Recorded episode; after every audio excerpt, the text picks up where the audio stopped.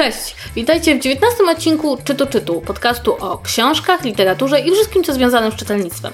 Ja się nazywam Kasia i prowadzę bloga Zwierz Popkulturalny. Obok mnie siedzą Megus, kanału Katus Gikus i Ocia z Ocean Souls Blog.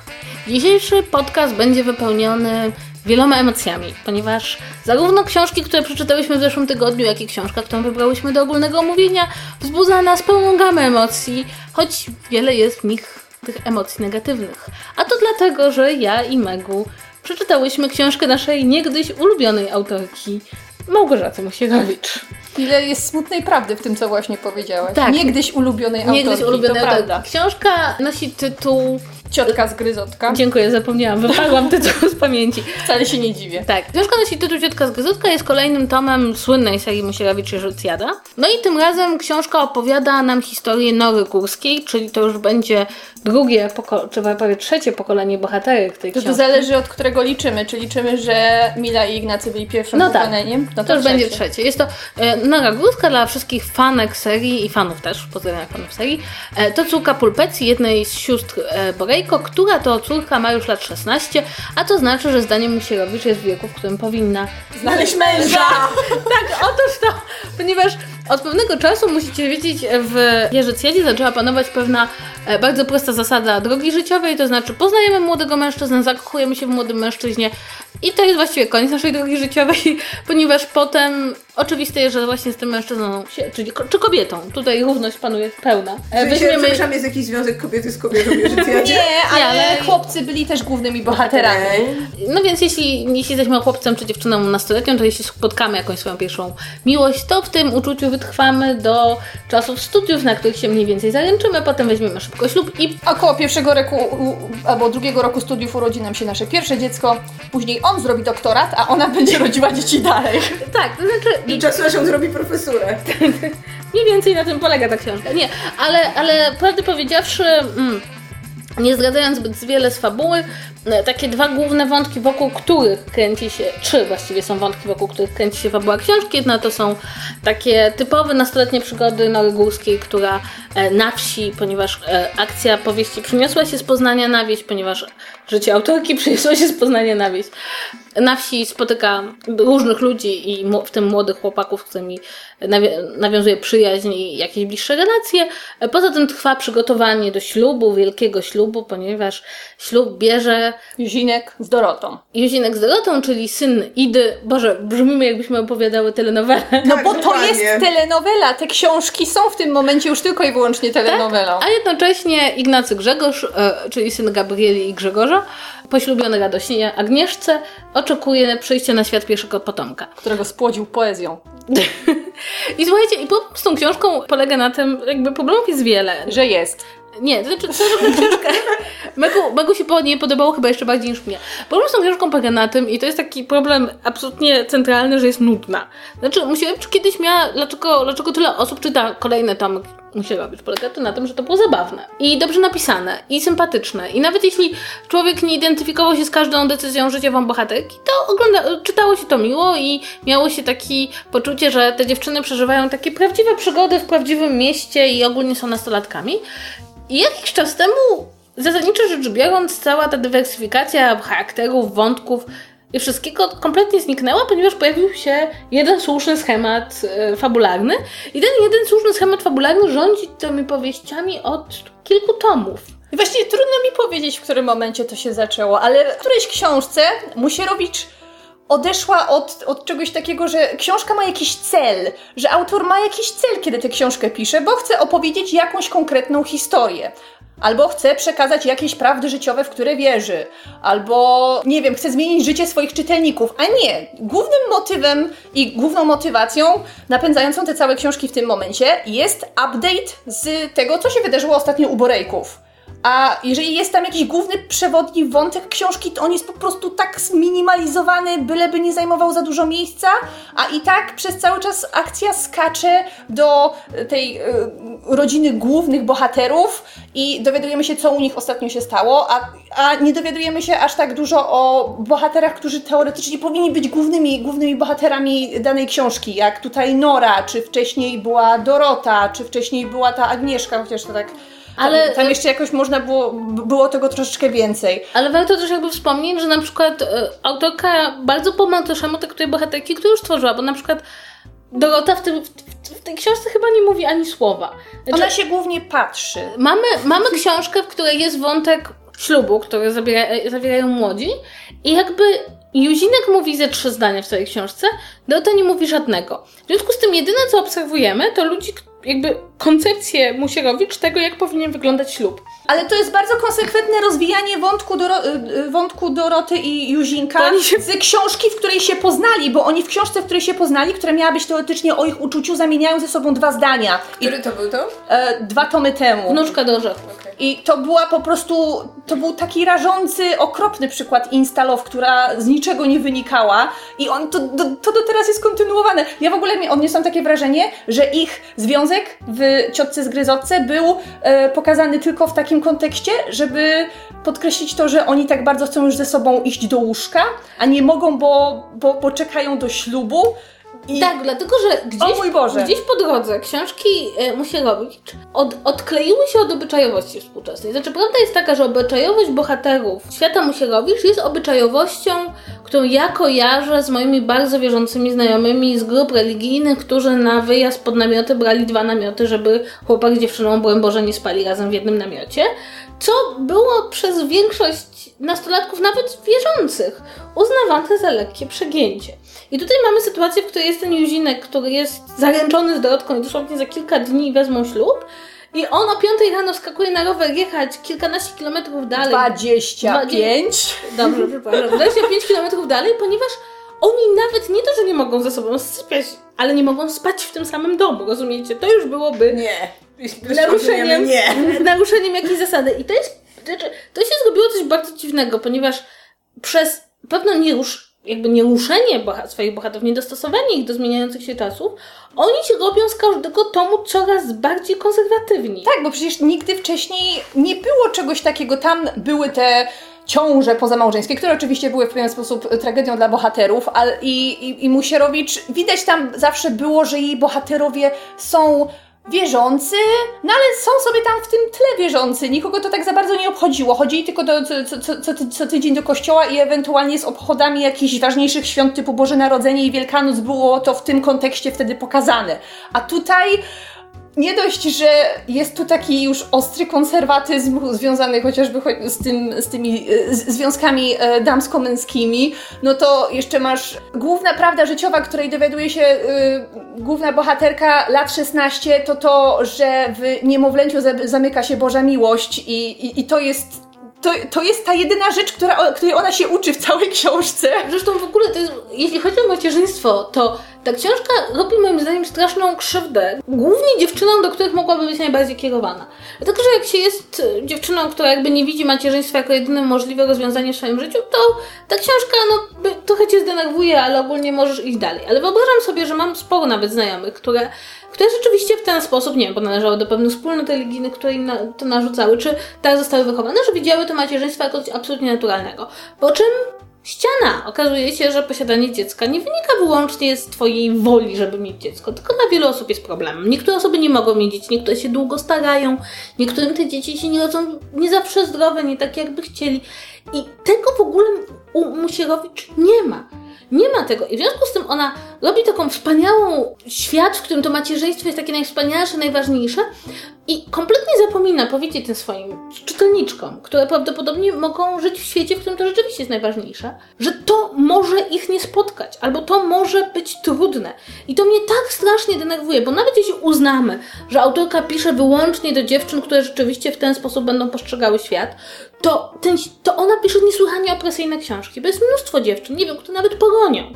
I one mając tylko taki wzór, że rozumiesz, ona bierze ślub i od razu ma dziecko i od razu wszystko jest okej, będzie myślała wyłącznie o tym, co z nią jest nie tak. I za to mam olbrzymią pretensję do Musierowicz, zwłaszcza, że jakiekolwiek komplikacje z wypełnieniem tego planu są idealną historią jakby do opowiedzenia w ramach książki. Ale Tak? zauważ, że w tych książkach, ale i teraz to jest jeszcze bardziej widoczne w otoczce tej całej rodzinnej sielanki i po prostu pierdzenia jednorożcami. Tam nigdy nie było problemów takich poważnych, nigdy nie było życiowych tragedii. Ty w tych książkach nigdy nikt nie umarł na pierwszym planie, nikt nigdy poważnie nie zachorował, nikt nigdy nie stracił dziecka, nikt, nikt, nikt nie miał poważnego wypadku. Oni tam mają takie bardzo przyziemne problemy, ale jednocześnie autorka na siłę unika opowiadania o jakichkolwiek po, po, poważniejszych sprawach. Tak, i o ile w niektórych wątkach ja rozumiem, że może temat tego nie robić, rozumiem, że nie każda książka musi omówić każdy problem, przed jakim stoi nastolatek, to kiedy ona już chodzi na poziom wyznaczania celów życiowych swoich czytelniczkom i to takich celów bardzo konkretnych, to czysta przyzwoitość wypadałaby te, jakby nie rysować tej wizji tak, tak prostej, bo ja po prostu, ja uważam, że dla nas to jest spoko. Powiesz, Jezus Maria, puknij się w głowę kobieto i dlaczego wmawiasz dziewczynom, że wyłącznie macierzyństwo, skoro nie każda dziewczyna chce mieć dziecko, nie każda będzie się w tym realizować, nie każda chce wziąć ślub.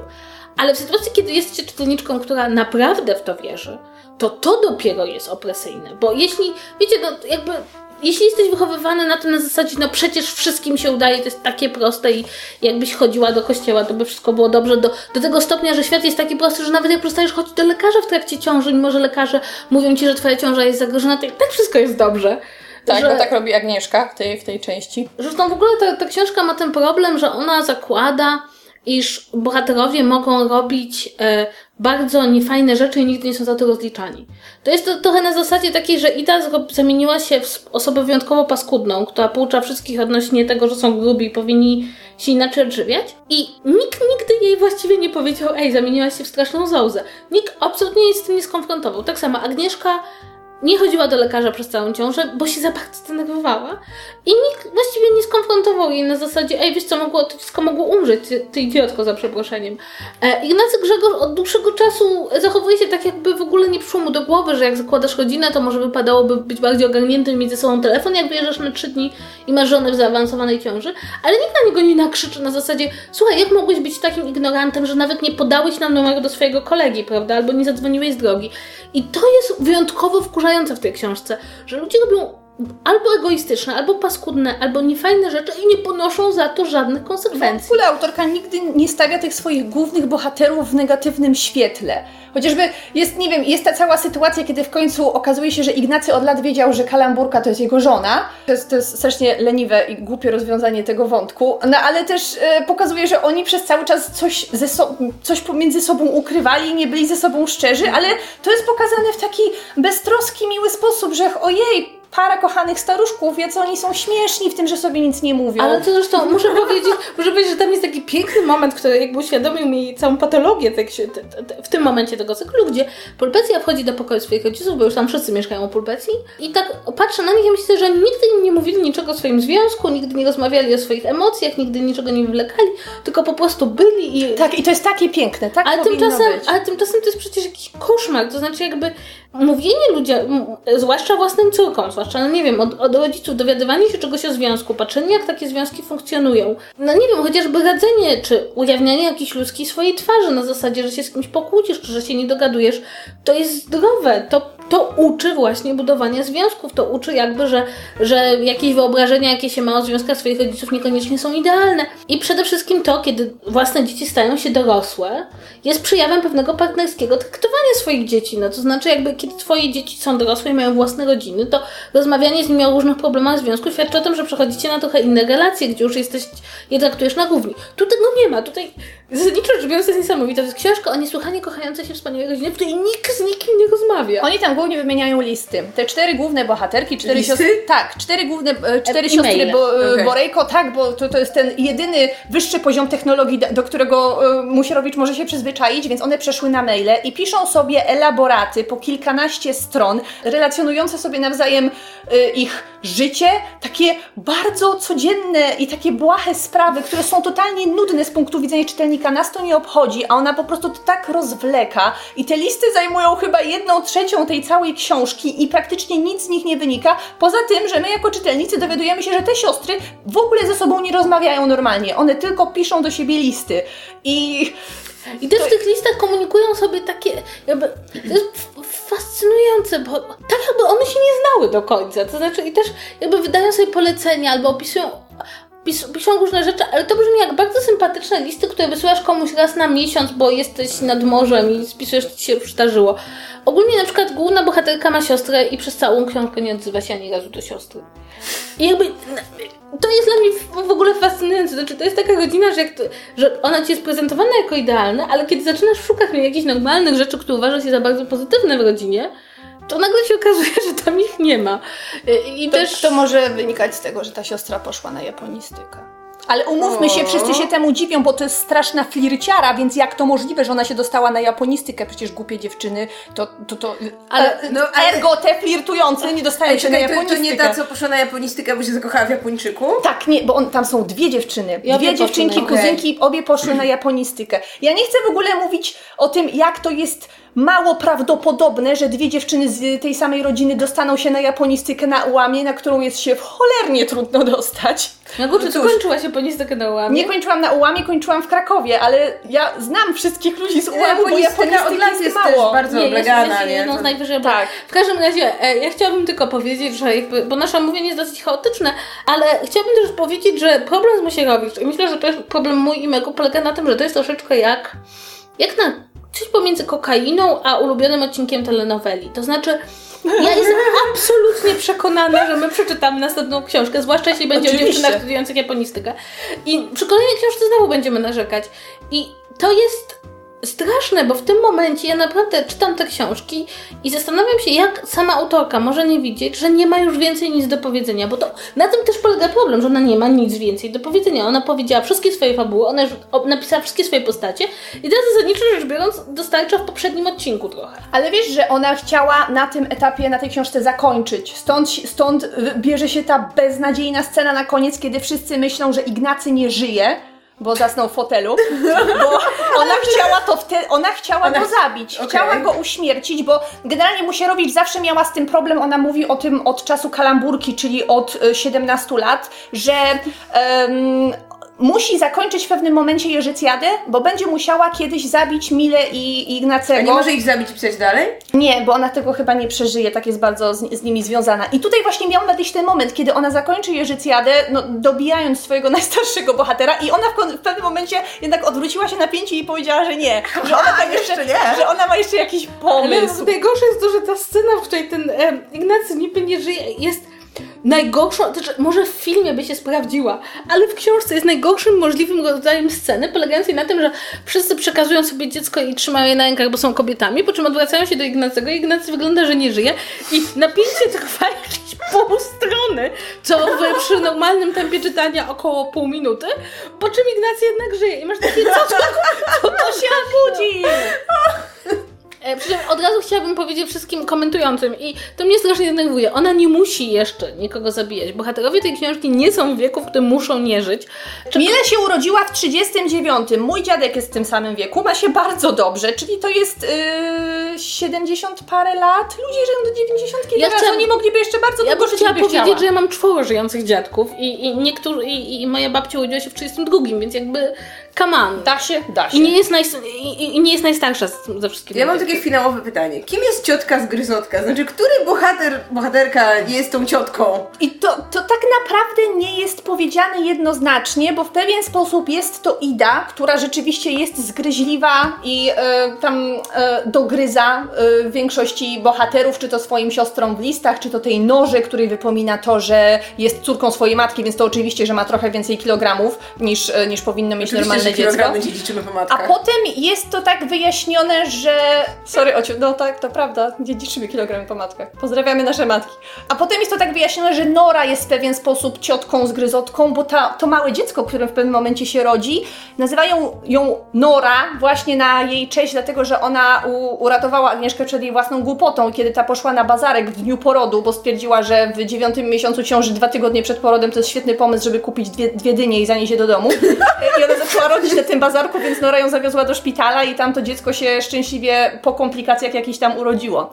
Także i że, że Nora jest taką tą też, to, Okej. że może będzie kiedyś tą ciotką z gryzotką. Ja w sumie nie wiem, jak ona to tłumaczy, że to niby ma być też ta Nora. Chyba, że ty to zrozumiałaś inaczej, że to jednak w ogóle nie jest Nora. Nie, ja zrozumiałam, że jakby, że to są jakby dwie, że jedna to jest Ida, która się jakby tutaj martwi, bo jej syn bierze ślub i ciągle ma jakieś problemy, a druga to właśnie jest Nora, że ona jakby będzie tą, że może być, że ona już się jakby przygotowuje do roli ciotki.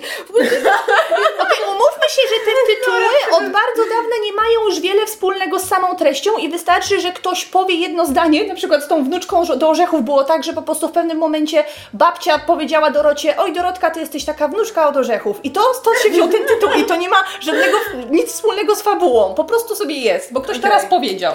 Dobrze, więc będziemy powoli kończyć nasze narzekania na ciotkę z gryzotkę. Być może także dlatego, że zarówno ja, jak i Megu popełniłyśmy na naszych blogach długie i wyczerpujące i pełne różnych inwektyw Megu oraz argumentacji Kasia em, recenzje. Na Moja które- recenzja jest bardzo zgryźliwa, nie będę za to przepraszać, Jak bo ta książka jest, ha, ha. książka jest wkurwiająca. Tak, moja recenzja ma zaledwie 10 stron, więc jakby to 5 minut czytania. Moja ma trzy kurwy w tekście. Którą chcecie bardziej przeczytać? Tak, w każdym, w każdym razie zapraszamy do lektury, będą linki w komentarzach.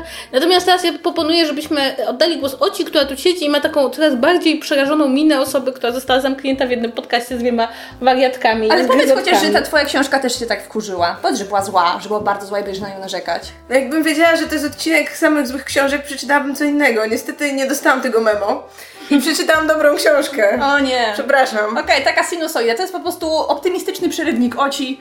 Tak, optymistyczny i- kącik oci. Żeby była niespodzianka, to nie przeczytam tej książki, którą zapowiadałam w poprzednim odcinku, że ją omówię. Omówię ją w następnym odcinku. A w tym odcinku robimy sobie przerwę od serii o Edenie, ponieważ przed filmem, który już miał premierę jakiś czas temu, przeczytałam Anihilację Jeffa Vandermeera, tudzież po polsku Unicestwienie w wersji książkowej. I to jest, moi drodzy, pierwszy tom trylogii Southern Reach, który tworzą także ujarzmienie i ukojenie. I zacznijmy może od takiego krótkiego rysu gatunkowego, bo ta książka wpisuje się w dosyć, powiedziałabym, nowy nurt literacki, który nazywany jest New Weird. I sam autor uważany jest za jednego z tych, powiedzmy, najważniejszych przedstawicieli, tudzież ojców tego nurtu. I o co w ogóle chodzi z tym New Weird? No więc pojęcie pojawiło się tak naprawdę w prozie w latach 90. XX wieku i twórcą tego pojęcia jest M. John Harrison, czyli autor m.in. serii Virconium i trylogii Światło, którego ja osobiście bardzo nie lubię. I on użył tego pojęcia w odniesieniu do twórczości Chiny Mieville'a. I tak naprawdę ten gatunek wciąż pozostaje nie do końca zdefiniowany. To znaczy, mamy tam na pewno wpływy horroru, mamy połączenie takie dosyć dziwne, nierealistycznych settingów, nierealistycznych jakby takich światów przedstawionych, które łączą w sobie elementy fantasy z elementami science fiction i właśnie gdzieś tam rzucają w to horror. No często mówi się też o wpływach jakichś takich Lovecraftowskich, o wpływach e, na przykład twórczości Mervina Pika jego cyklu Gormenghast i właśnie wpływach e, Viriconium e, Harrisona. I tak naprawdę, jeśli czytacie jakąś książkę, ona jest bardzo, bardzo dziwna i nie pasuje Wam do żadnej szuflady y, innych gatunków fantastycznych, to bardzo prawdopodobne jest, że czytacie właśnie New Weird. Znaczy chyba nie da się czytać New Weird i nie zauważyć, że się czyta New Weird. Tak, ale już jakby ktoś kazał zrobić komuś wzorzec New Weird, to myślę, że byłoby trudno. No w każdym razie, jeśli poczuliście się zachęceni do takich dziwnych książek, to oprócz y, właśnie Vandermeera, o którym dzisiaj Wam opowiem, polecam oczywiście wspomnianego Miwila, polecam Wam Iana MacLeoda i polecam Wam y, Stepana Chapmana i myślę, że to będzie taki początek, jak przeżyjecie to, to już New Weird nie będzie miało przed Wami y, y, jakby takich y, tajemnic i ostrokołów. Ja nigdy w życiu nie czytałam nic New ale gdyby kształt wody był książką, jest książką, bo ostatnio to wydali, czy to byłoby Nie, New Weird? Nie, absolutnie absolutnie nie. nie. To by była baśń tak naprawdę osadzona po prostu we współczesnym świecie. Z... Ja wiem, gdyby Legion był książką, byłby New Weird. O, okej, Tak, to pasuje. okej. Generalnie jeśli czujesz się tak, że powinnaś była zażyć narkotyki, zanim zaczęłaś czytać jakąś książkę, to to jest New Weird. Albo generalnie jak masz też takie uczucie, że książka próbuje opisać ci jakąś rzeczywistość, i zastanawia się nad tym właśnie, co jest istotą rzeczywistości, co jest prawdziwe, co jest nieprawdziwe, jak percepcja naszego umysłu wpływa na nasze postrzeganie rzeczy, to to też jest dosyć blisko New Weird i między innymi to jest jeden z głównych wątków, jakie ja wyróżniałam w unicestwieniu. W ogóle o czym jest ta książka? Książka w tej takiej swojej podstawowej warstwie jest o wyprawie czterech bezimiennych naukowczyń do miejsca, które nazywa się Strefą X. To jest taka wydzielona, nie wiadomo jak daleko sięgająca tak naprawdę część terenu, która tam stopniowo się tak coraz bardziej rozszerza, otoczona jakąś taką dziwną sferą, barierą, do której pewna tajemnicza organizacja wysyła ekspedycję. No i te ekspedycje albo nie wracają, ponieważ ich członkowie popełniają samobójstwa bądź wybijają się nawzajem, albo nawet jeśli wracają, to ci ludzie, którzy wracają są jacyś dziwni, nie mają pojęcia jak wrócili do swoich domów, nie mają pojęcia co się z nimi działo, nic nie mówią, a potem bardzo szybko umierają na raka. I ekspedycja, na którą wyrusza nasza główna bohaterka Biolożka, która jest narratorką książki, jest już dwunastą z kolei i ma po prostu za cel dowiedzieć się o co tam chodzi. Pójść na jakiś tam rekonesans tego terenu, no bo to jest tak naprawdę teren, który kiedyś był jakimś tam terenem normalnie zamieszkałym, użytkowym i tak dalej, no tylko właśnie z czasem zaczęła go otaczać ta, ta dziwna strefa, tam się też porobiły jakieś komplikacje z biosferą, są trochę inne roślinki, trochę inne zwierzątka, dlatego no nie jest to wyprawa jakaś militarna, tylko wyprawa właśnie naukowa. Oprócz biolożki mamy, yy, mamy geodetkę, antropolożkę i psycholożkę, która jest jakby team liderką tego zespołu. I tak naprawdę to jest ten moment, kiedy muszę skończyć opowiadać Wam fabułę, bo cała frajda w czytaniu tej książki polega na tym, że nie wiecie, co się wydarzy na kolejnej stronie. Przez, to jest krótka książka, ona ma około 200 stron i naprawdę przez cały czas, jak ja to czytałam, towarzyszyło mi takie uczucie takiego jakiegoś niepokoju, że tu się za chwilę coś wydarzy, o mój Boże, tu się za chwilę zdarzy coś tragicznego. Bohaterki właściwie przez cały czas sobie nie ufają. Tam jest takie poczucie nieustającego zagrożenia, które nawet nie wiadomo z której strony nadejdzie. Czy nadejdzie gdzieś jakby pomiędzy bohaterkami, czy nadejdzie gdzieś z tej strefy, z jakichś dziwnych rzeczy, które one tam widzą.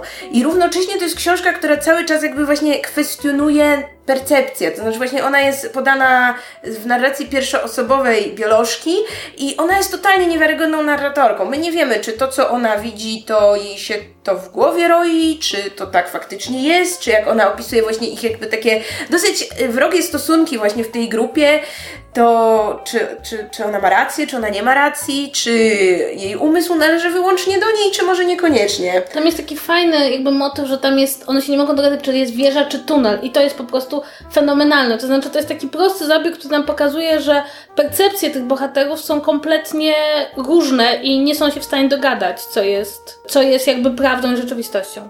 Tak więc książka bardzo mocno pochyla się właśnie nad tym problemem tego, co rzeczywiste, tego, co urojone i niejednokrotnie próbuję właśnie zadawać jakieś takie pytania w stylu, czym jest rzeczywistość. Tu mi na myśl e, przywodziła choćby książki Filipa Dicka, który też się często nad tym zastanawiał. I to jest takie ładne zdanie, ja zacytuję, bo ja lubię cytować ładne zdania z książek.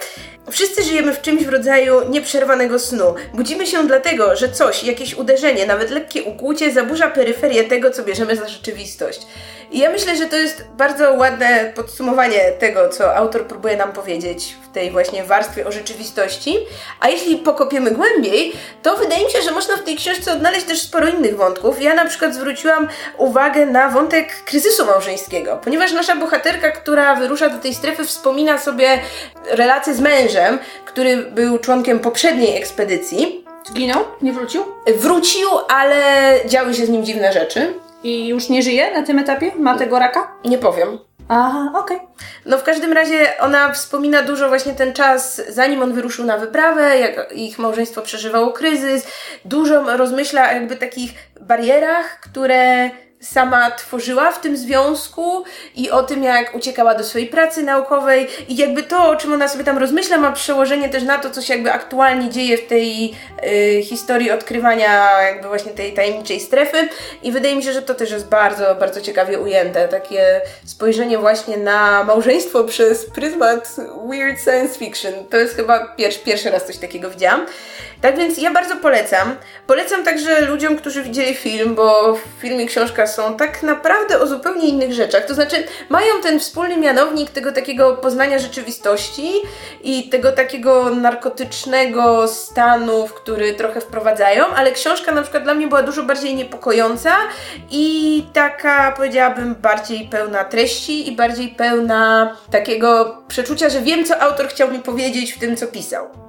I na pewno będę sięgać po kolejne dwa tomy, więc prędzej czy później postaram się Wam o nich opowiedzieć. A Ty Kasia czytałaś następne? Ja czytam wszystkie tomy i uważam, że to jest fenomenalna książka.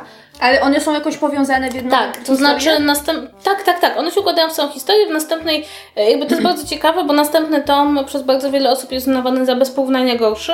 Moim zdaniem jest fenomenalny, bo następny tom jest o takim z trochę innego punktu widzenia, to znaczy, ponieważ to nie jest historia tak naprawdę tej strefy X, tylko to jest historia tego instytutu, który ją bada.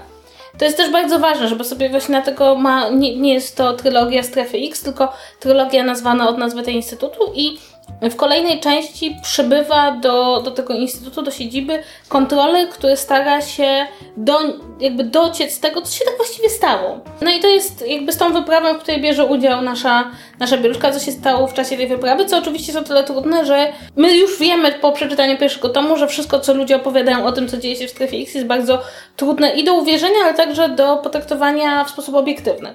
No i to jest też bardzo ciekawe, bo poznajemy jakby to, to badania drugiej strony i ta dziwność wcale nie umyka. To znaczy, okazuje się, że dziwność jakby tej strefy X rozprzestrzenia się daleko poza nią i być może to jest też troszeczkę tak, że wcale, wcale sama strefa X nie jest dziwna, tylko wszystko jest dziwne.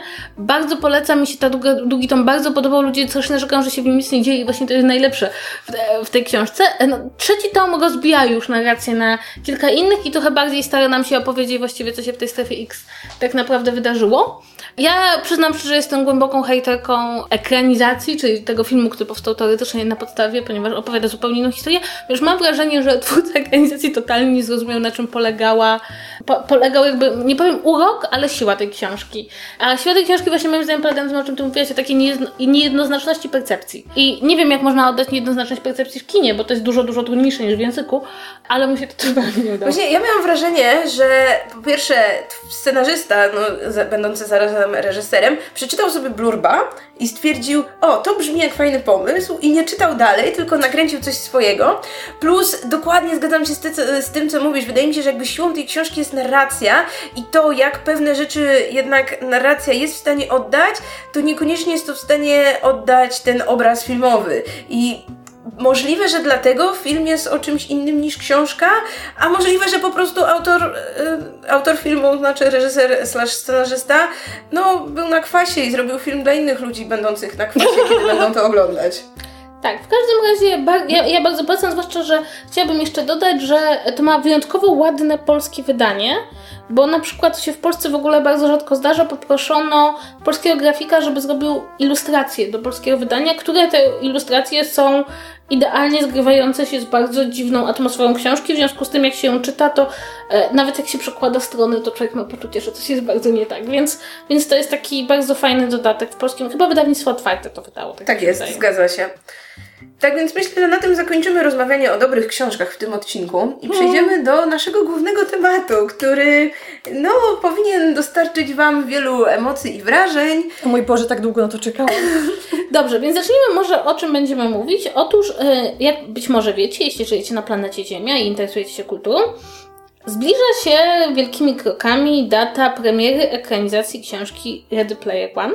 W Polsce wydanej jako Player One ponieważ redy byłoby zbyt tak, już skomplikowane do przetłumaczenia. Nikt by nie wiedział, co to znaczy. E, no i w każdym razie e, film nakręci Steven Spielberg. Będzie on wypełniony nawiązaniami do kultury popularnej. Już teraz są bardzo wysokie oczekiwania. Pierwsze pokazy prasowe już, już dzisiaj, wtedy kiedy wy tego słuchacie.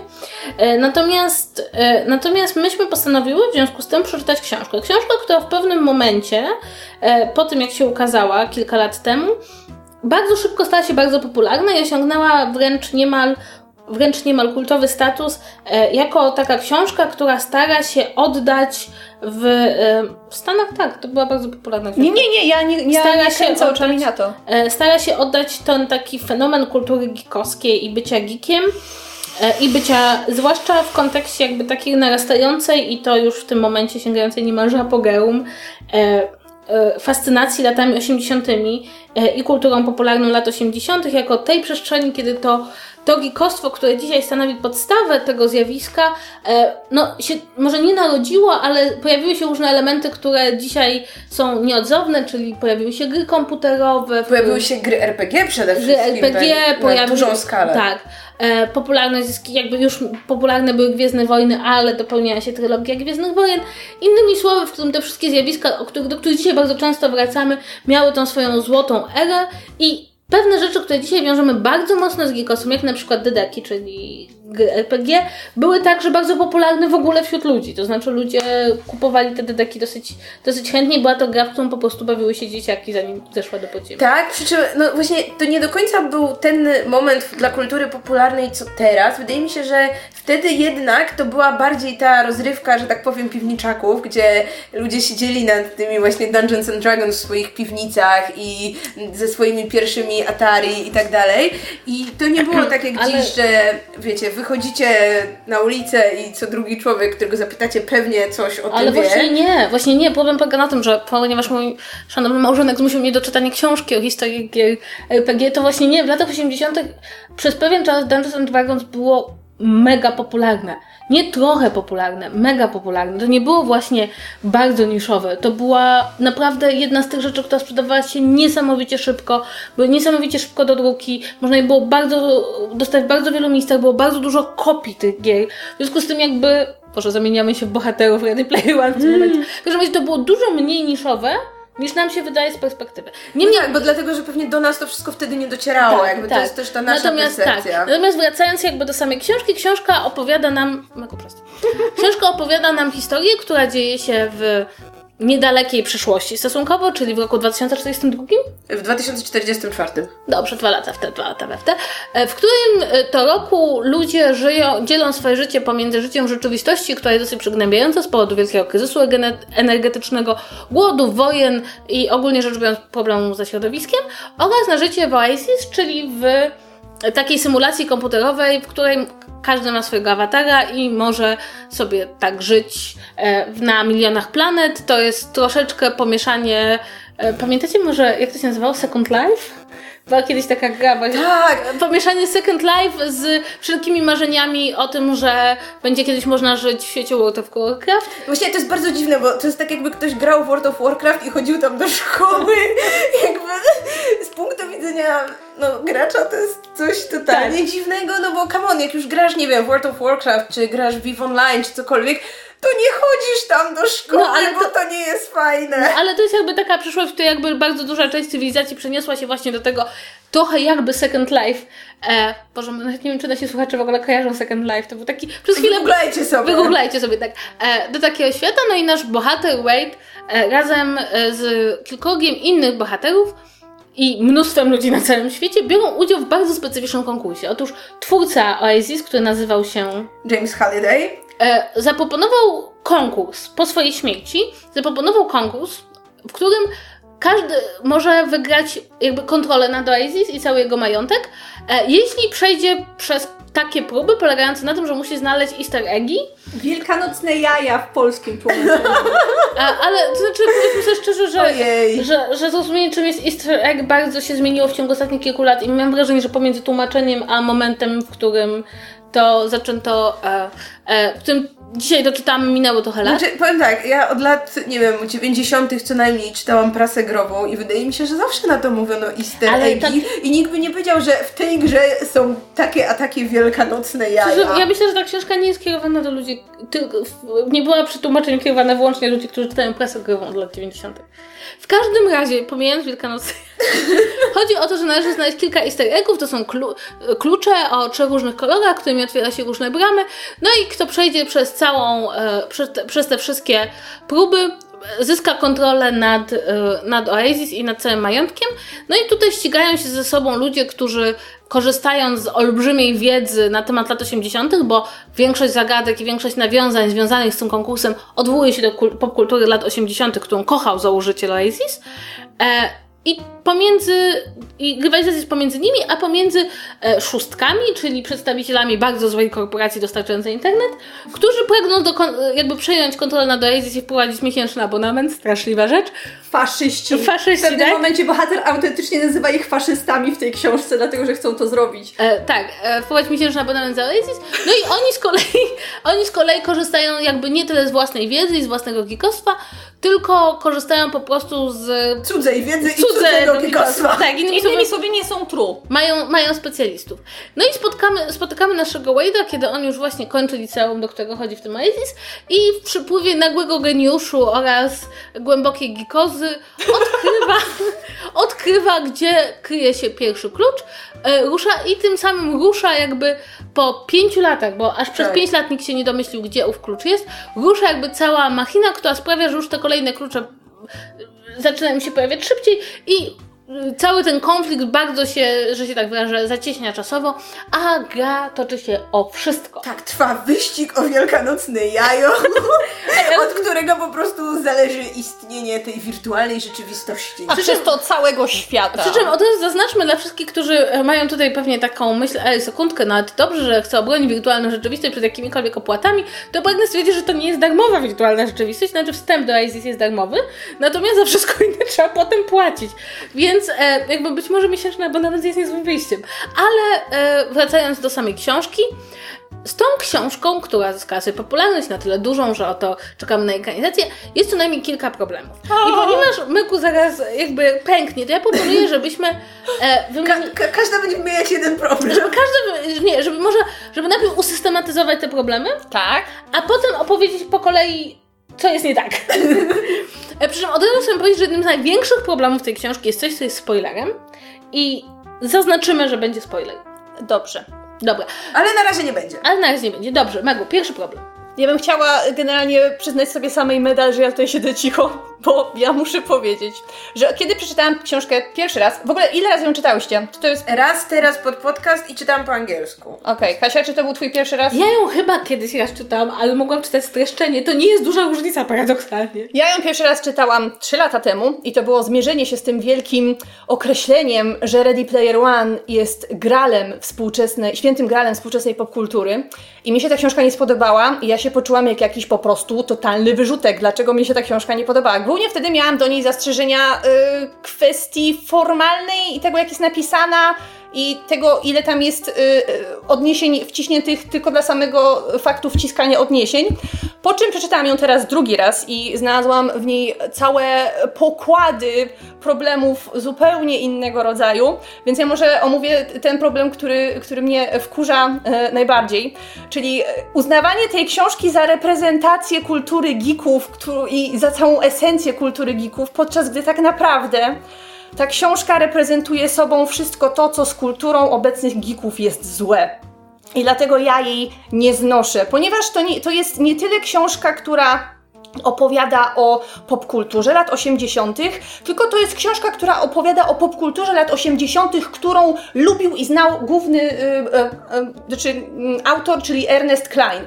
Ponieważ umówmy się, że główny bohater jest totalnym self-insertem y, naszego autora i y, on pomija tam absolutnie każde przejawy popkultury, które były uznawane za bardziej dziewczęskie, albo które y, gry komputerowe, które nie były ty, ty, typowo dla chłopców. Pomija tam w ogóle, jeżeli chodzi o muzykę, na przykład rap czarnoskórych wykonawców i tak dalej. To nie jest reprezentacja całej, całej popkultury lat 80., to jest to, co robił Ernest Klein. A przy okazji, Główny bohater, który ma być kreowany na takiego prawdziwego trugika, jest tak okropnie złą postacią i złym człowiekiem w ogóle. On jest wszystkim tym, czego ja nienawidzę w takich e, bardzo zgliczałych geekach, powiedzmy. Czyli to są ludzie, którzy będą się szczycili tym, że oni znają wszystkie seriale, wszystkie odcinki, a jeżeli ty nie czytałeś tego jednego komiksu z Gwiezdnych Wojen z lat 70., które wtedy wydawał Marvel, to nie masz prawa się wypowiadać na temat Gwiezdnych Wojen. To są ludzie, którzy powiedzą ci, że jeżeli dziewczyna jest bardzo ładna, to na pewno udaje i na pewno y, nie może być prawdziwym geekiem, bo to jest oczywiste, że to jest fake geek girl i ona tylko, tylko robi po to, żeby, żeby wyrywać chłopców. Główny bohater jest również tą postacią, która będzie mówiła, że ojej, geekowie mają tak źle, ponieważ geekowie to oni nie potrafią zdobywać dziewczyn i generalnie nie mają seksu w życiu, dlatego muszą się masturbować i pukać gumowe lale i to są, to są sceny z tej książki, No to jest taki- opisane w To szczegółach. jest taki geek nice guy, czyli najgorsze połączenie I to są, ever. to są faceci, i to są ci, y, ci gicy, geekowie, którzy przez cały czas będą powtarzali, że oni są miłymi facetami i dlaczego nie mogą zdobyć dziewczyny? Przecież oni są takimi miłymi Dobrze. facetami. Ja bym chciała tylko jakby wrócić do tych kwestii nawiązań, dlatego że istnieje, jakby ta książka w ogóle kompletnie nie rozumie, jakie nawiązania ucieszą osobę, która naprawdę interesuje się kulturą popularną. Bo trochę ta książka jest utworzona na zasadzie, okej, okay, i ona jest trochę jak The Big Bang Theory. Wystarczy wymienić tytuł czegoś, co kojarzą głównie osoby bardziej zainteresowane popkulturą, czy orientujące się w popkulturze, żeby, żeby się ucieszyć. W związku z tym jest w tej książce fragment, gdzie bohater przez dwie strony... O, żeby. Wy, poczekaj, ale poczekaj, wymienia, wymienia co lubi. I tak. żeby było jasne, on tego nawet nie wymienia w sposób, w jaki wymieniają to geecy. Ponieważ jeśli jesteś geekiem i ktoś cię na przykład zapyta, jaki jest twój ulubiony sezon Star Treka, to ty mówisz, no nie wiem, powiedzmy pierwszy sezon The Next Generation, albo wiesz co, dokładniej drugi odcinek The Next Generation, który jest wariacją na temat jednego z odcinków TOS. To jest zdanie, które padłoby z gardła geeka. Natomiast z gardła tego geeka pada zdanie Widziałem cały TOS, widziałem cały Enterprise, widziałem cały Voyager. Ciebie ma podniecać sam fakt, że te tytuły pojawiły się w książce. Druga sprawa polega też na tym, że to jest zrozumienie geekostwa i tego zainteresowania kulturą popularną na takiej zasadzie, że siadasz i wiesz wszystko. To znaczy bohaterowie na przykład znają daty powstania filmów, seriali, twórców, autorów ścieżek Piosenek, tak, piosenek. wszystkiego. Tylko problem polega na tym, że od dłuższego czasu już ludzie zainteresowani kulturą popularną starają się wyjaśnić, że ten poziom znajomości rzeczy, który kiedyś był rzeczywiście godny podziwu, zanim był. E, zanim internet, mieliśmy Wikipedię. Zanim mieliśmy internet, no to okej, okay, to było fajne i to mówiło, że ludzie dużo wiedzą, ale jednocześnie tak naprawdę to prawdziwe zainteresowanie zaczyna się wtedy, nie kiedy Twoja dyskusja polega na tym, czy Zaklęta w Sokoła jest fajnym filmem, czy nie jest fajnym filmem, tylko wtedy, kiedy zaczynasz dostrzegać w tej kulturze popularnej pewne schematy, tropy, zaczynasz dostrzegać, że ona nie jest taka idealna, jak Ci się wydaje, nie wiem, dostrzegasz, że Gwiezdne Wojny tak naprawdę pod względem fabularnym nie są niczym oryginalnym, tylko prze...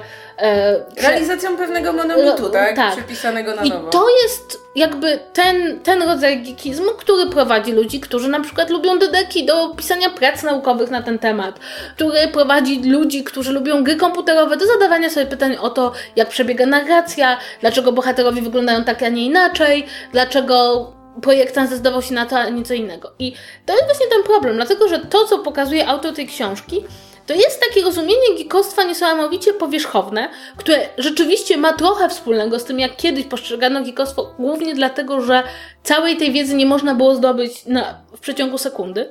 Natomiast w całej tej książce bohaterowie uczą się kultury popularnej mm, lat 80., natomiast jej w ogóle nie analizują. Nie podchodzą do niej krytycznie. Znaczy, ich cała krytyka polega na powiedzeniu, co, jest, co bardziej lubią w ramach tej kultury. Natomiast, tak jak zwróciłaś uwagę, nigdy nie przychodzi do głowy, że na przykład kultura lat 80.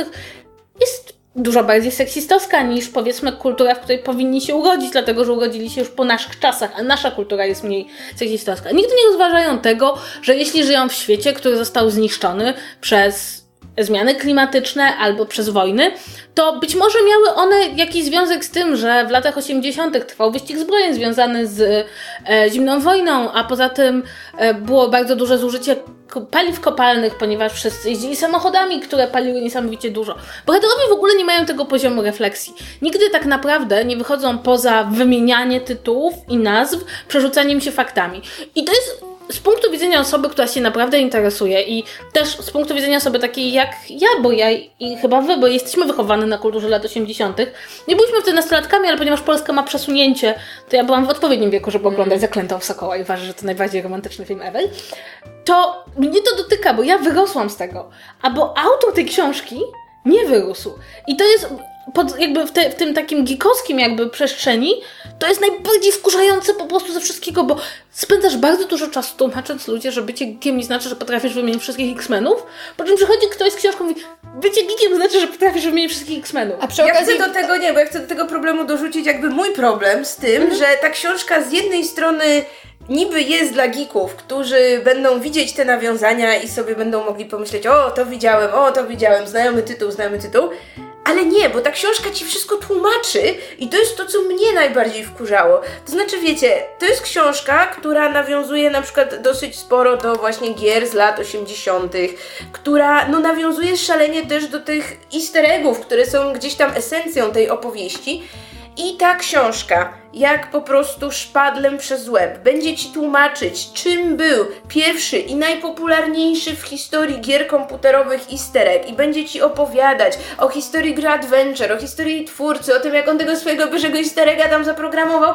I ja sobie myślę, człowieku, czy ty nie piszesz do ludzi, którzy powinni już to wiedzieć? Jakby, jaka, jaką ja mam mieć frajdę z czytania tej książki, gdzie pojawia się nawiązanie, które ja znam, które jest dla mnie właśnie czymś takim moim. Ja się nie mogę z tego ucieszyć, bo autor przez 10 stron teraz będzie tłumaczył wszystkim, co to znaczy. I to mnie tak szalenie irytuje. Ale- W tej książce jest scena, gdzie bohater przez 5 stron gra w Pacmana i autor opisuje, na czym polega gra w Pacmana i jak bohater przechodzi te cholerne plansze.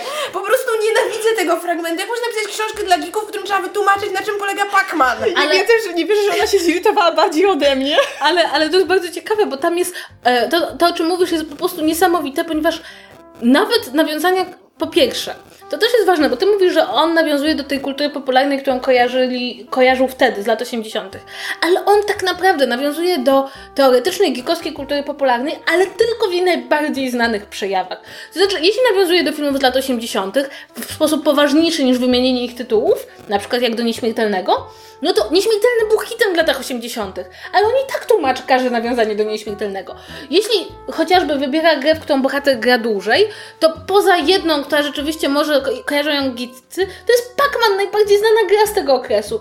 I tego tam jest bardzo dużo. On strasznie często, jeśli go na, na przykład, czy na przykład bohater musi niby przejść film i tym filmem jest e, Face Baller Buller Days Off.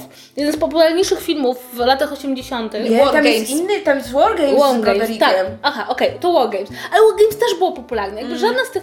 On tłumaczy, czym jest Blade Runner, na czym polegał te, test Wojta Kampa. To jest, I to jest po prostu niesamowite. tak straszne. Nasz bohater, jeśli myśli o czymś, a po pierwsze myśli o rzeczach, które ludzie zwykle kojarzą, a po drugie natychmiast sam sobie tłumaczy o co chodzi. Tak, on sobie będzie opowiadał te sceny z Blade Runnera, jak Harrison Ford, czy przepraszam, ten aktor, który ten grał aktor, który Indiana Jonesa i Hanna Solo. Kurczę, piszesz takie zdanie. Wiecie, ten aktor, który grał Hanna Solo i Indiana Jonesa i nie napiszesz, że chodzi o Harrisona Forda, Bo a w może innych ktoś nie wie. miejscach, a w innych miejscach walisz elaboraty z Wikipedii, na czym polegał Blade Runner. No, na litość boską, to jest po prostu taka grafomania straszna. To jest w ogóle jego pierwsza książka, żeby Tak, nie tak, było. tak. Ale Znaczy, on och, jest autorem scenariusza do Fanboys, jakby ktoś pytał. To by bardzo dużo tłumaczyło. A propos fanbase. Tak, i to jest, to jest duży problem i myślę, że e, co gorsza to jest tak, że to jest problem jak się jest geekiem, a myślę, że wszystkie my trzy chyba się tutaj łapiemy, razem to chyba obejmujemy całość popkultury naszymi zainteresowaniami, to ci to denerwuje, bo to nie jest prawda, to tak nie wygląda. Ale jeśli nie jesteś geekiem, to to umacnia ten stereotyp geeków z lat 80., który o tyle nie ma sensu, że no, przepraszam bardzo, ale kultura geekowska, ta, która była uznawana za geekowską, związaną z komiksami, związaną z e, grami komputerowymi, obecnie jest mainstreamem mainstreamu. Nie ma popularniejszego medium popkulturalnego niż gry komputerowe. Nie ma popularniejszych filmów niż ekranizacje komiksów. Jakby wszystko, co kiedyś było niszowe i geekowskie, no może ostatnim, ostatnią rzeczą, która się stała, to są papierowe RPG. RPG, ale one też jakby dzięki temu, że można się komunikować za pomocą sieci, stały się nie tym jakimś takim dziwnym geekowskim przyzwyczajeniem, tylko takim raczej coraz bardziej popularnym retro. Więcej, retro gaming w ciągu ostatnich kilku lat stał się bardzo modny, do tego stopnia, że ludzie grają w Pokémony, ale nie, ale noszą na sobie rzeczy, które mają nawiązania do gier retro, nawet jeśli w nie nie grali. Jakby umacnianie stereotypu niezrozumiałego geeka w tym momencie o Jezu, jak ja nie jest książce. kompletnie bez sensu, bo dzisiaj bycie geekiem oznacza bycie przedstawicielem grupy, która jest w samym centrum kultury. Inna sprawa jest też taka, że jakby sam, e, jakby fakt, że autor zdecydował się napisać postać geeka, która jest żywcem wzięta z lat, z książki lat, z filmów lat 80., z tego stereotypu z lat 80. Nie wiem, czy kojarzycie taki film Zemsta Frajerów? Tak. No. Film Zemsta Frejów polega na tym, że biedne geeki są pogardzane przez joków, czyli tych takich mięśniaków.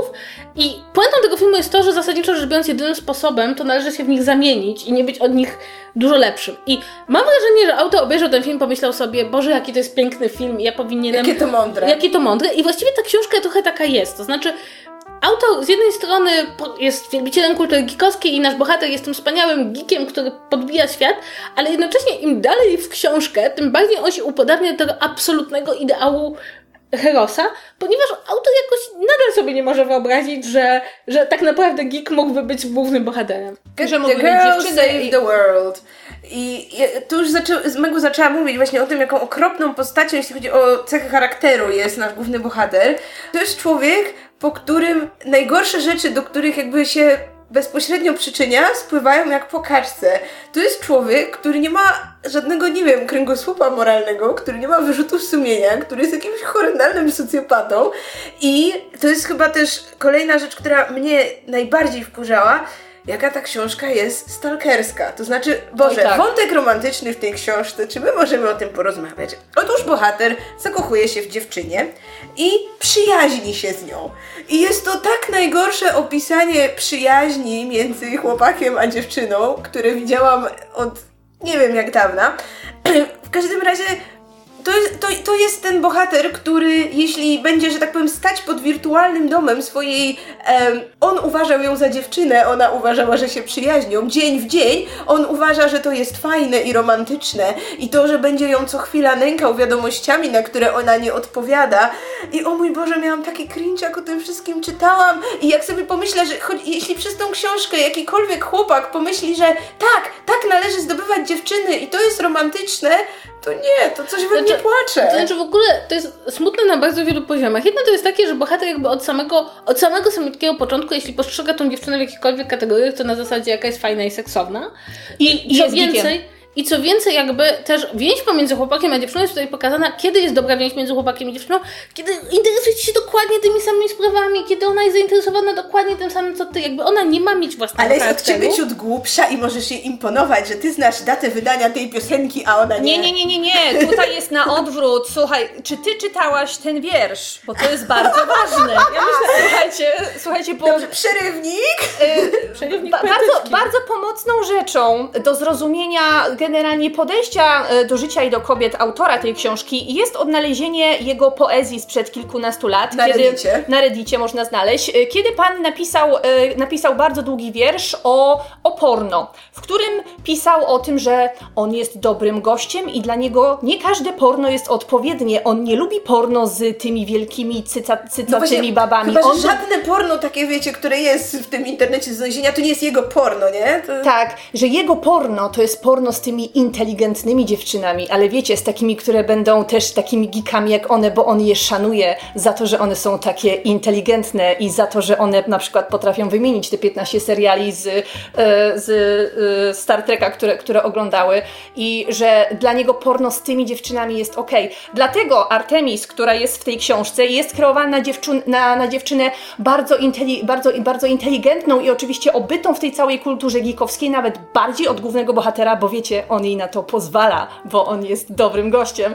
Ale, ale przy okazji to jest realizowanie ko- kolejnego bardzo irytującego stereotypu. To znaczy, że tam jest przez cały czas bardzo wyraźnie podkreślane, że Artemis nie jest bardzo szczupła, że ona nie jest wybitnie piękna, a przy okazji ona się z tym nie kryje, bo jej awatar, który reprezentuje ją w Oasis, jest taki jak ona, to znaczy trochę okr- okrąglejszy i reprezentujący rysy jej twarzy, ale oczywiście nie do końca, bo musi być wielka skaza na jej policzku wielkości 2 cm, która sprawia, że tak w rzeczywistości to ona mu- nie może być idealnie piękna, bo idealnie piękna Nie, dziewczyna jest ona nie pusta. czuje się idealnie piękna. To jest niby takie wspaniałe, że ona ma takie kompleksy, ale bohater uważa, że ona jest najpiękniejsza i że on ją tak przekona do tego, że ona jest taka najpiękniejsza. Jakby, jakby co, co jest w ogóle, już pomijając wszystko, o czym tutaj mówicie, to jedną rzecz, która mnie najbardziej zanerwowało, jest to, że bohater zasadniczo rzecz biorąc żyje w takim ciągłym lęku, że jego pozytywne uczucia, jego emocje, które tam związały go z tą Artemis, mogły nie być skierowane w kierunku kobiety.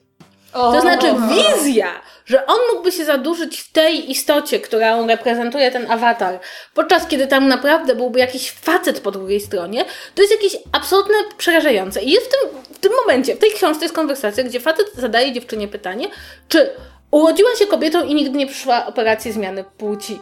Rozumiecie?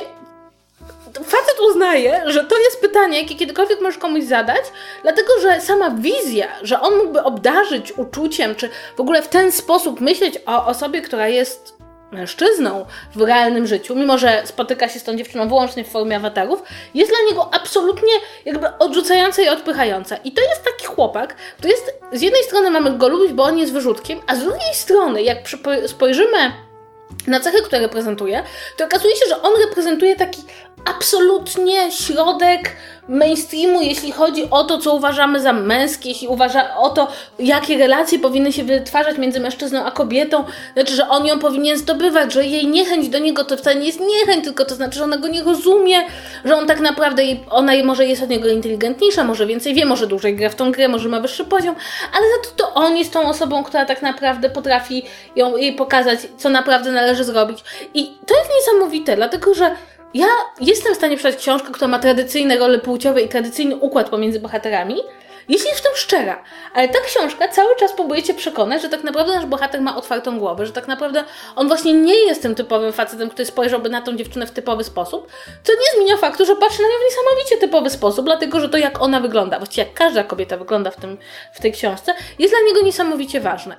I jednocześnie... No, powiedzmy sobie, ile jest kobiet w tej książce w ogóle. Czekajcie, bo jeszcze chciałam jedną rzecz do tej jego relacji, że on jest też niestety tym typowym nice guyem, który uważa, że za to, że jest miły, coś mu się należy. Oj, tak. I to jest tak, po pierwsze irytujące, po drugie tak szalenie szkodliwe, zwłaszcza, no, że to jest mimo wszystko książka chyba kierowana do młodych ludzi. O mój Boże, raz na zawsze powiedzmy to sobie, to, że ktoś jest dla kogoś miły i to, że ci ludzie mają takie same zainteresowania, nie znaczy, że komuś się cokolwiek należy. Tak, i to jest problem zdecydowanie z tą książką, która moim zdaniem się coraz bardziej jakby pogłębia. To znaczy, wydaje mi się, że coraz bardziej ten taki, e, e, zdajemy sobie sprawę, jak wielu facetów jest właśnie tym miłym facetem, który, który kreuje się, nie jestem taki jak inni faceci, przy czym nie mam wrażenia, żeby w tej książce byli jacykolwiek inni faceci, którzy byliby w stanie udowodnić tą tezę głównego bohatera. Ponieważ wszyscy inni bohaterowie w tej książce służą tylko i wyłącznie pokazaniu bohatera w dobrym świetle. Tak. Oni, oni służą jego rozwojowi, a nie są postaciami w pełnym tego słowa znaczeniu. Tak, no i tutaj dochodzimy jeszcze do właśnie, jeśli mówimy o postaciach drugoplanowych, to tutaj dochodzimy do y, niesamowicie niskich umiejętności po prostu pisarskich autora, polegających na przykład na tym, i to jest, to jest moim zdaniem najpiękniejszy dowód na to, że autor tej książki po prostu nie umie pisać, to są postacie dwóch Japończyków, a w ogóle Japończyków w tej książce. Postacie Japończyków w tej książce są takie, jakby ktoś, jedyną rzeczą, jaką w życiu obejrzał, było, nie wiem, siedmiu samurajów, ale włączył miód, żeby nie słyszeć, co oni mówią. I na podstawie tego wywnioskował, że wszyscy Japończycy na przestrzeni wszystkich lat, ze wszystkimi doświadczeniami kulturowymi, zachowują się tak samo. I do tego stopnia jest to. Mm, postrzeganie Japończyków jako tych, którzy są e, niesłychanie grzeczni, kłaniają się, mówią, dodają san do imienia oraz mówią o honorze. I poziom jak, jak ta książka jest napisana? Do tego stopnia, że kiedy bohaterowie Japończycy mówią, że ktoś jest bez honoru, to powtarzają to nawet dwa razy w tym samym dialogu, że jest bez honoru, ponieważ jakby to jest koniec tego, co się właściwie autorowi kojarzy z Japonią. I wtrącają losowe słowa po japońsku, tylko dlatego, że autor się cieszy, że wie jak jest po japońsku dzień dobry albo dziękuję. I jakby to nie są postacie, które mają jakiekolwiek inne cechy charakteru, poza tym, że są z Japonii. To jest niesamowite. To znaczy, jak próbujesz się dowiedzieć, kim ci ludzie są, to się nie dowiesz, bo oni jakby ich emocje nie interesują bohatera, ale są z Japonii i on w jednej scenie się chyba cieszy, że nauczył któregoś z nich przybijać piątkę, bo wiadomo, że w Japonii nikt nigdy nie przybił piątki, bo wszyscy się sobie kłaniają. Bo Japonia jakby została kulturowo odcięta od reszty świata. Mimo, że jest w wirtualnej rzeczywistości. Tak. E, i, I tutaj jakby przechodzimy do rzeczy, która moim zdaniem jest niesłychanie ważna, jeśli chodzi o tą, o postacie drugoplanowe, która jest spoilerem, więc tutaj zaczyna się spoiler, Spoiler, spoiler, spoiler, wszyscy już tak. że spoiler.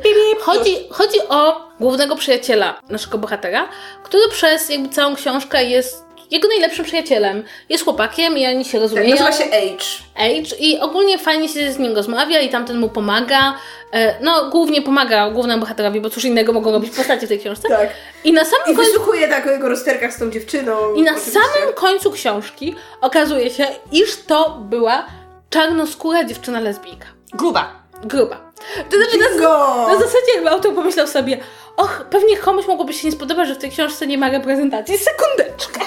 Jest reprezentacja wszystkiego. Jeszcze tylko na wózku inwalidzkim powinno Nie, ale to, jest jeszcze, ale to jest jeszcze takie okropne. Po pierwsze, że tak, Y, Pierwsze, co robi bohater, kiedy widzi tą dziewczynę już w, w realu, to zauważa, że ona jest gruba i generalnie mówi o tym, jaki ma wielki tyłek. I tak, generalnie I skupia się biust. bardzo dokładnie na tym biuście. To raz. Po, po, po, po drugie, w momencie, kiedy wracają do tej y, alternatywnej rzeczywistości, zaraz po tym, jak on się dowiedział, że jego najlepszy przyjaciel przez cały czas był tak naprawdę kobietą, on wraca znowu do zwracania się do tego H'a w, w, w Oasis, y, jak do mężczyzny, bo powiedział, że ja już się tak przyzwyczaiłem, że ja tego właściwie nie będę zmieniał, będę mówił do niego on. I to jest po prostu przykład tego wprowadzenia y, kogoś mamy- tylko po to, żeby w, w, świe- w świetle tej całej sytuacji, bo, bo, bo, bo bohater w ogóle mówi, że jemu to oczywiście nie przeszkadza, że to jest dziewczyna i że jest czarnoskóra i że jest lesbijką, absolutnie mu to nie przeszkadza, przecież on jest miłym gościem. I wprowadzenie tej postaci w takiej formie służy tylko po to, żeby bohater mógł znów, znów wypaść dobrze i żeby się okazało, jaki to on jest fajny. Przy czym nie, nie, nie wiemy dlaczego, dlaczego to w ogóle wygląda inaczej. On- akurat ta dziewczyna wybrała sobie takiego awatara. Oczywiście jest lesbijką, bo gdyby nie była, to byśmy się zakochali w głównym bohaterze. To jest No a nie- tak, a nie- bo, jest takim fajnym gościem. No, ale i, i bardzo ciekawe, bo widziałam też e, omówienie tej, tej książki przez jedną czarnoskórą dziewczynę, która powiedziała fajnie, że zrobiłeś reprezentację autorze, której wyjawienie jest spoilerem. To znaczy, nie, to jest świetny przykład. Niby jest jakakolwiek reprezentacja w książce, tylko o jej nie możemy o niej mówić.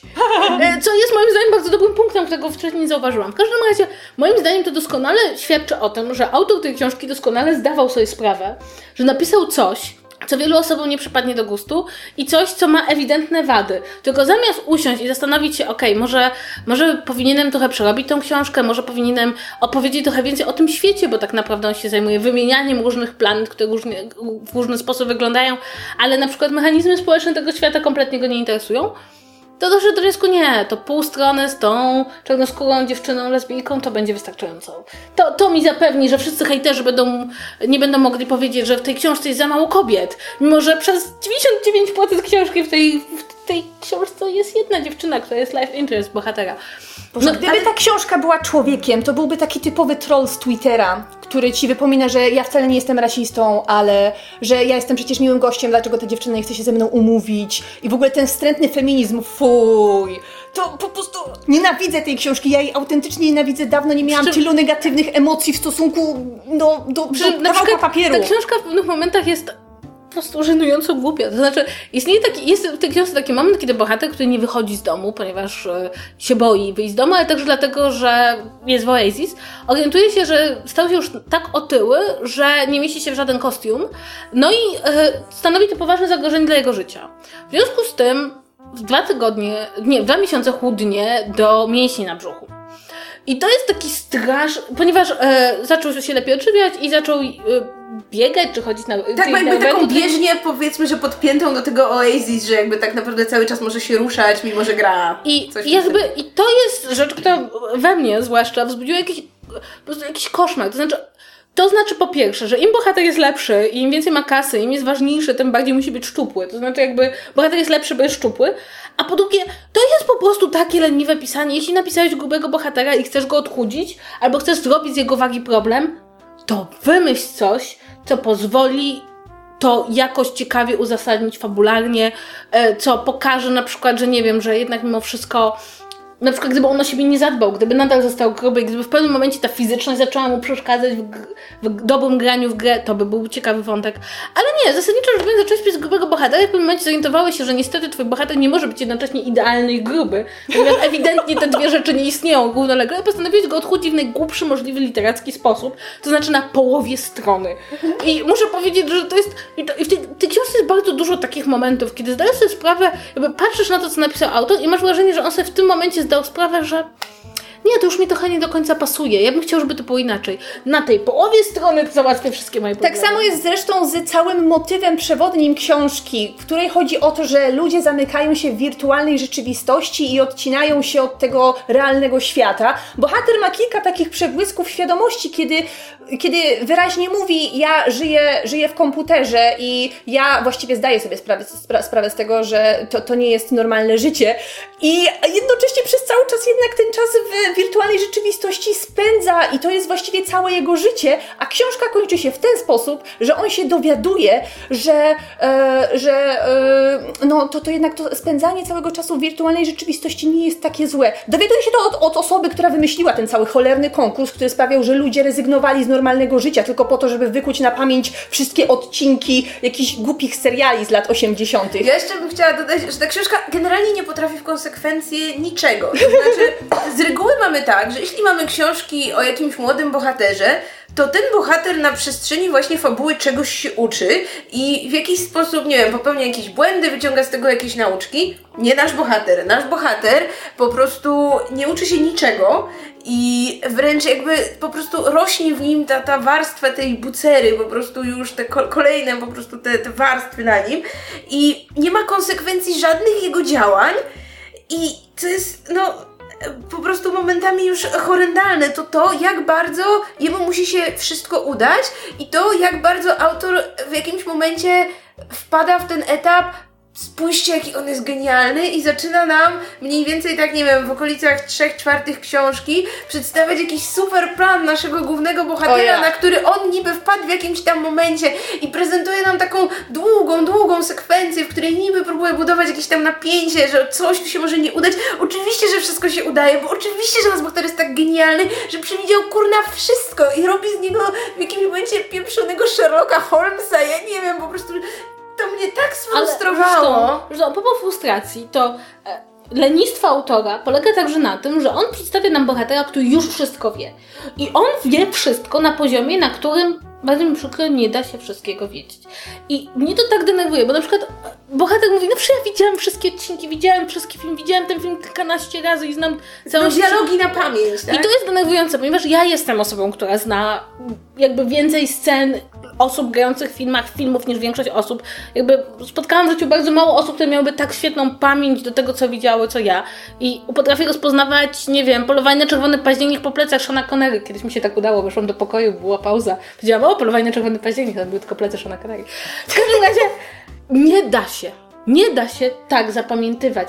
Nie da się pamiętać każdej linii dialogowej filmu, jeśli to nie było pięć filmów, które obejrzałem w ciągu życia, tylko cała dekada filmów. Czy założę się, że bohater nie zna wszystkich odcinków Star Treka na pamięć, ponieważ prawda jest taka, że nasz mózg tak nie działa. Nie jesteś w stanie, nawet oglądając wielokrotnie, nauczyć się dokładnie na pamięć scena po scenie wszystkiego. Tymczasem twórca, nie tłumacząc nam skąd nasz bohater ma taką wspaniałą pamięć, robi z niego człowieka, który wie wszystko, pamięta wszystko, widział wszystko, przeczytał wszystko i wszystko, co przeczytał, pamięta.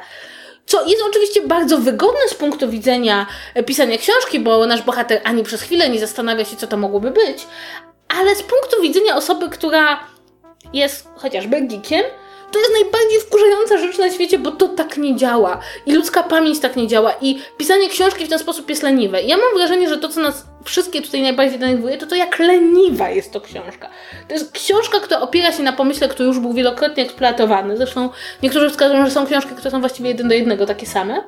Która na dodatek nie, nie, nie dokłada do siebie niczego poza nazwami rzeczy z lat 80., ma straszliwy self-insert, czyli jakby główny bohater ewidentnie jest autorem tej książki. I to wszystko ma nas w jakiś sposób bawić i cieszyć, a tymczasem jedynie z każdą stroną pogłębia irytację. I powiedziawszy to wszystko, chciałabym powiedzieć, że moim zdaniem wierzę, że Spielberg jest w stanie coś z tego wyciągnąć, bo czekamy na ekranizację. Dlaczego wierzę, że Spielberg jest w stanie coś z tego wyciągnąć?